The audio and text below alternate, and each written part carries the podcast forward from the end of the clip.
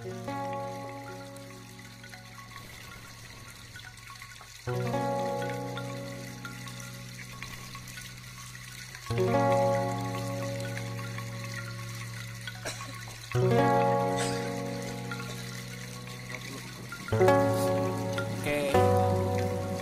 siang dan selamat datang di tahun yang baru.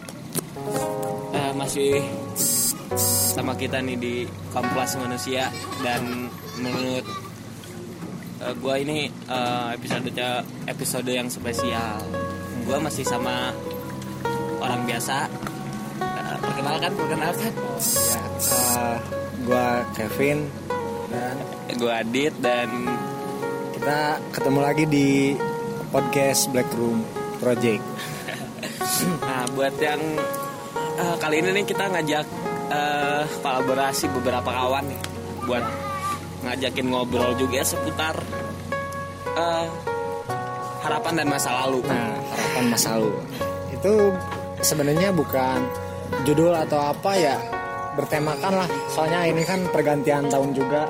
Bagaimana sih eh, harap eh, menghadapi gitu masa depan dan melupakan masa lalu. Siap. Mungkin seperti itu kan. Oke, pertama eh, penjelasan dulu dari definisi judul. Judulnya yaitu harapan dan masa lalu. Menurut Raurau, harapan dan masa lalu itu apa? kalau harapan ya eh, buat gua gitu harapan itu ya eh, sesuatu yang harus kita capai di masa depan di mana kita harus bersungguh-sungguh untuk mendapatkannya gitu. Kalau misalnya buat harapan. Kalau buat masa lalu masa lalu itu ya sesuatu yang telah terjadi yang udah terjadi gitu. Tetapi bukan buat kita lupain. Buat eh, kita buat jadikan cerminan buat kita gitu. Eh, agar di masa depan kita menjadi lebih baik masa lalu itu bukan untuk dilupakan gitu Terus menurut Adit gimana sih Eh, oh ya sebelum lanjut ke gue di sini kayak gue kenalin dulu nih kawan-kawan gue yang ikut kolab di episode ini. oh ya. siapa nih siapa siapa nih Mahendra Yusuf oh Hendra Yusuf terus Saya Fieri HP. Nafilah Aulia Ah, ya. Nanti Nah. kita bakal tanya nih definisi dari mereka semua tentang harapan dan masa lalu. biar lebih luas juga gitu kan wawasan pasti setiap orang itu definisinya berbeda Ya. beda, beda pandangan beda sudut pandang kalau menurut Hendra nih gimana sih uh, definisi harapan dan masa lalu itu Jadi menurut gua tuh harapan itu sesuatu yang ingin kita capai yang di mana kita sudah memimpikannya dulu. Kalau untuk masa lalu itu, kalau menurut gua masa lalu itu ya bekas jejak kita yang kita tinggalkan dan eh, menjadi pelajaran lah untuk menggapai harapan itu. Terus, terus, terus ini apa harapan Hendra buat ke depannya apa Harapan ke depannya itu di tahun ini lah? Ah, harapan di tahun ini tuh menjadi semakin teguh, semakin tabah dan diperlancar. Amin amin amin nah kalau menurut Pierre nih gimana uh, definisi harapan dan masa lalu dan uh, harapan ke depannya gimana gitu kan Kalau harapan ya, harapan itu adalah sebuah pencapaian yang harus kita capai. Walaupun tidak bisa dicapai, tetap kita harus namanya harapan. Nah, terus kalau masa lalu, benar kata Hendra tadi masa lalu itu eh, yang sudah berlalu. Jadi apa yang sudah kita lakukan itu masa lalu. Tidak boleh tidak bisa dirubah, hanya menjadi pelajaran saja. Harapan Berry buat eh, ke depannya gimana tahun ini? Semakin menjadi manusia yang lebih baik, baik dan lebih baik lagi. amin amin amin nah kalau menurut Nabilah nih gimana Gimana nih? definisi harapan dan masa lalu dan harapan ke depannya akan seperti apa? Harapan itu kayak apa ya mimpi keinginan seseorang yang kadang sesuai sama keinginan kita kadang enggak. Tapi apa pun yang terjadi nantinya itu pasti yang terbaik buat kita. Kalau masa lalu pengalaman baik buruk ataupun baik gak bisa dirubah dan gak bisa dilupain. Tapi ya seiring berjalannya waktu pasti bakal terlewati harapannya ya. Semoga menjadi lebih baik lagi sama semoga semua yang udah ditulis selama tahun 2019 ini Amin, amin. Nah, sekarang nih hostnya gimana nih Adit? Eh, eh, pandangan tentang harapan dan masa lalu dan pencapaian apa sih yang akan eh, lo dapat gitu di 2019 ini? Oke, kalau menurut gue pribadi harapan itu eh, keinginan sih, keinginan kita buat mencapai em, atau menduduki di suatu posisi yang emang emang eh, kita pingin. Kalau masa lalu itu, kalau definisi gue itu guru paling baik ilmu hidup dan semuanya berawal dari situ. Terus harapan gue buat ke depannya apa ya Eh, kalau jadi lebih baik mungkin semua orang pingin jadi lebih baik sih kalau gua pingin jadi lebih serius aja ngejalanin apa-apa karena ketika dunia sudah nggak lagi lucu dan kita terlalu bercanda buat buat ngejalanin hidup buat ngenyusun eh, prinsip-prinsip buat ke depannya. Itu kan sama aja semu. Oke, berarti eh, lebih serius sama si dia juga mungkin ya. Iya si dia tapi belum ketemu ini sayangnya Kevin Kevin harapannya gimana? Kalau harapan gua eh, di 2019 ini mungkin kalau bicara resolusi-resolusi tanpa aksi cuma basa-basi gitu kan.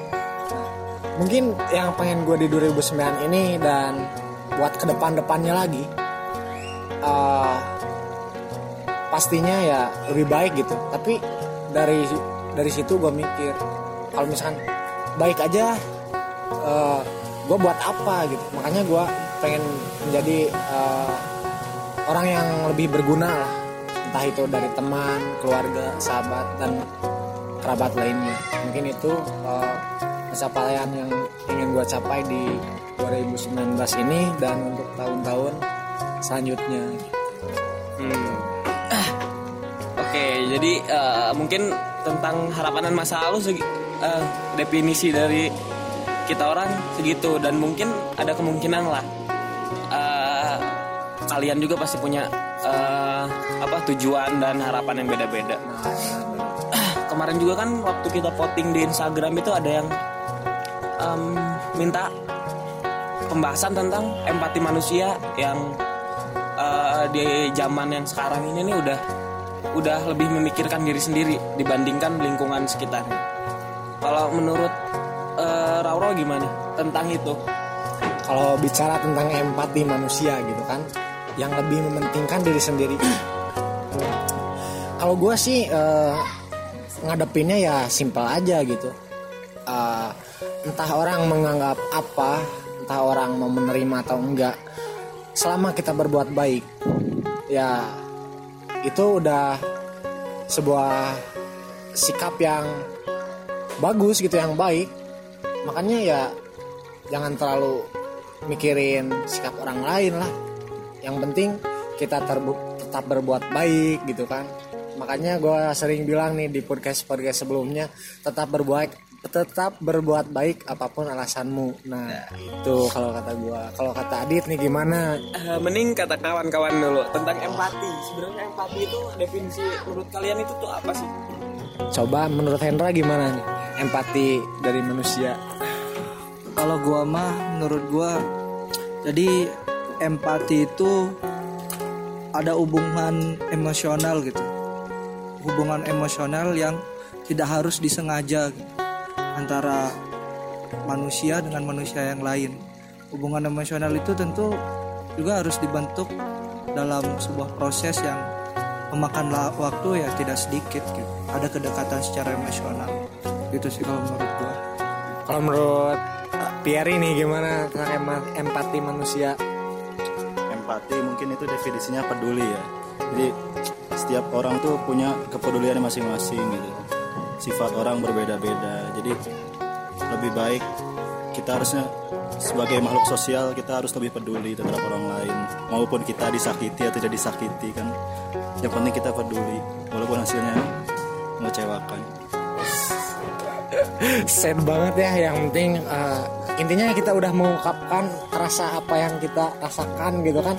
Entah dia mau menerima apa enggak. Ini rasa gua gitu kan. benar benar. Kalau belum Napila gimana nih? Itu rasa peduli. Kadang ada orang yang memperlihatkan secara langsung, ada yang enggak gitu. Dan kadang ada yang ngerasain dan kadang ada yang biasa aja. Tapi ya apa ya? Untuk menunjukkannya tuh gak perlu secara terang-terangan. Yang penting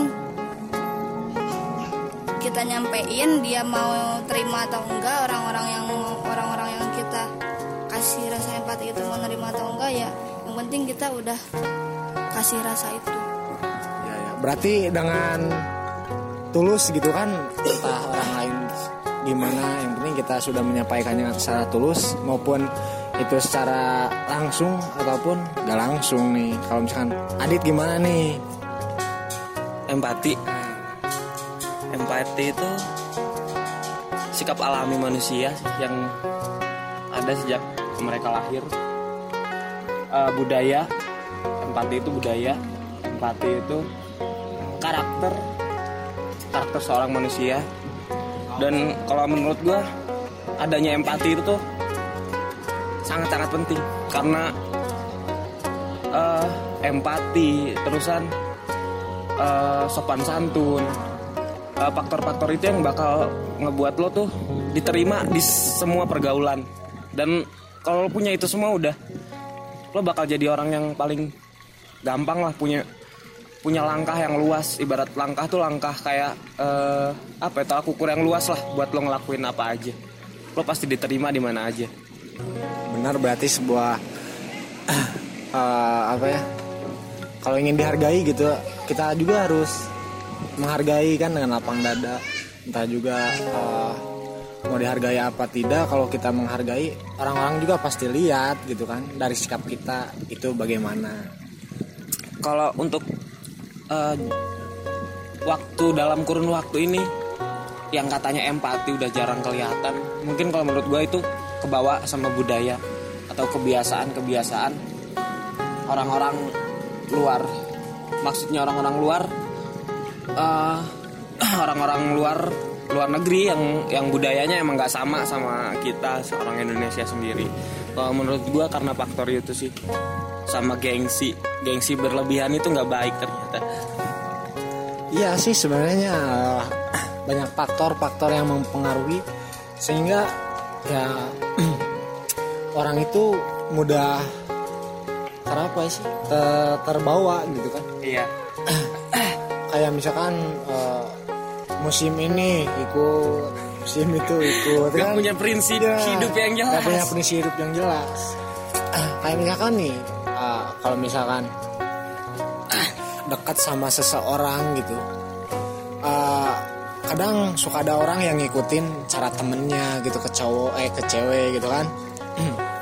Bagaimana cara mengungkapkan atau cara pendekatan kayak gitu. Tapi kalau misalkan lu punya prinsip sendiri ya dengan cara lu sendiri gitu kan mau diterima apa enggak nah. ya tetap apa adanya gitu. Karena setiap orang itu beda-beda dan penyampaian mereka bakal beda-beda.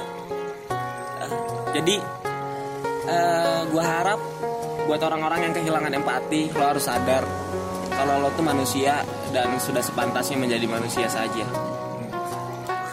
Ya pokoknya jangan bosan untuk uh, bercermin gitu. Bercermin gimana ya? Kayak misalkan nih uh, buat orang lain ya cerminan diri lu sendiri gitu. Kalau misalkan lu digituin sama orang lu udah bener nggak sama orang? Nah gitu sih kalau menurut gua. Ya kalau misalkan lu udah tetap berbuat baik tapi orangnya eh, ya nyikapinya gitu.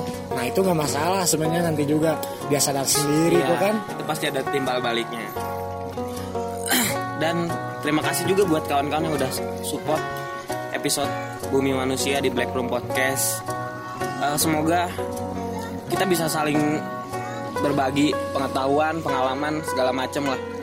Dan kalian juga yang punya ide-ide baru atau saran-saran baru bisa DM aja ke Black Room Project. Kalau enggak ke Kevin Laulau apa ke saya sendiri selaku asisten Kevin Laulau. Siap. atau mungkin bisa di uh, Instagram tinta underscore cerita bercerita. Nah kalian bisa di bisa DM atau ah ya mention kayak misalkan mau collabs atau apa khususnya yang sekitar Bandung gitu. Kita kan uh, bisa berbagi uh, pengalaman cerita. Collabs aja gitu kan Uh, asik juga seru sambil ngobrol-ngobrol. Mungkin ya episode kali ini ya mengawali tahun ya. Mungkin segitu aja dan ya bener kata tadi tadi terima kasih banyak buat teman-teman yang udah support uh, podcast ini. Uh, mudah-mudahan kita selalu diberi kesehatan diberi kelancaran dan diberi kebahagiaan tentunya. Uh, akhir kata uh, saya mengucapkan terima kasih yang sebesar besarnya semoga harapan dan pencapaian di tahun ini dan tahun-tahun selanjutnya uh, bisa terwujud. bisa terwujud bisa tercapai. Dan uh, semoga juga masa lalu dibuat jadi pelajaran gitu agar tidak terbelenggu terpuruk dalam uh, keterpurukan masa lalu gitu. Iya. Oke. Eh, salam dari kami dan jangan bosan dengerin bacotan kami yang sedikit kadang-kadang suka nggak jelas.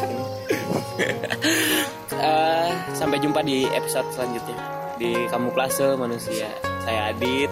saya Kevin Ini. Ini.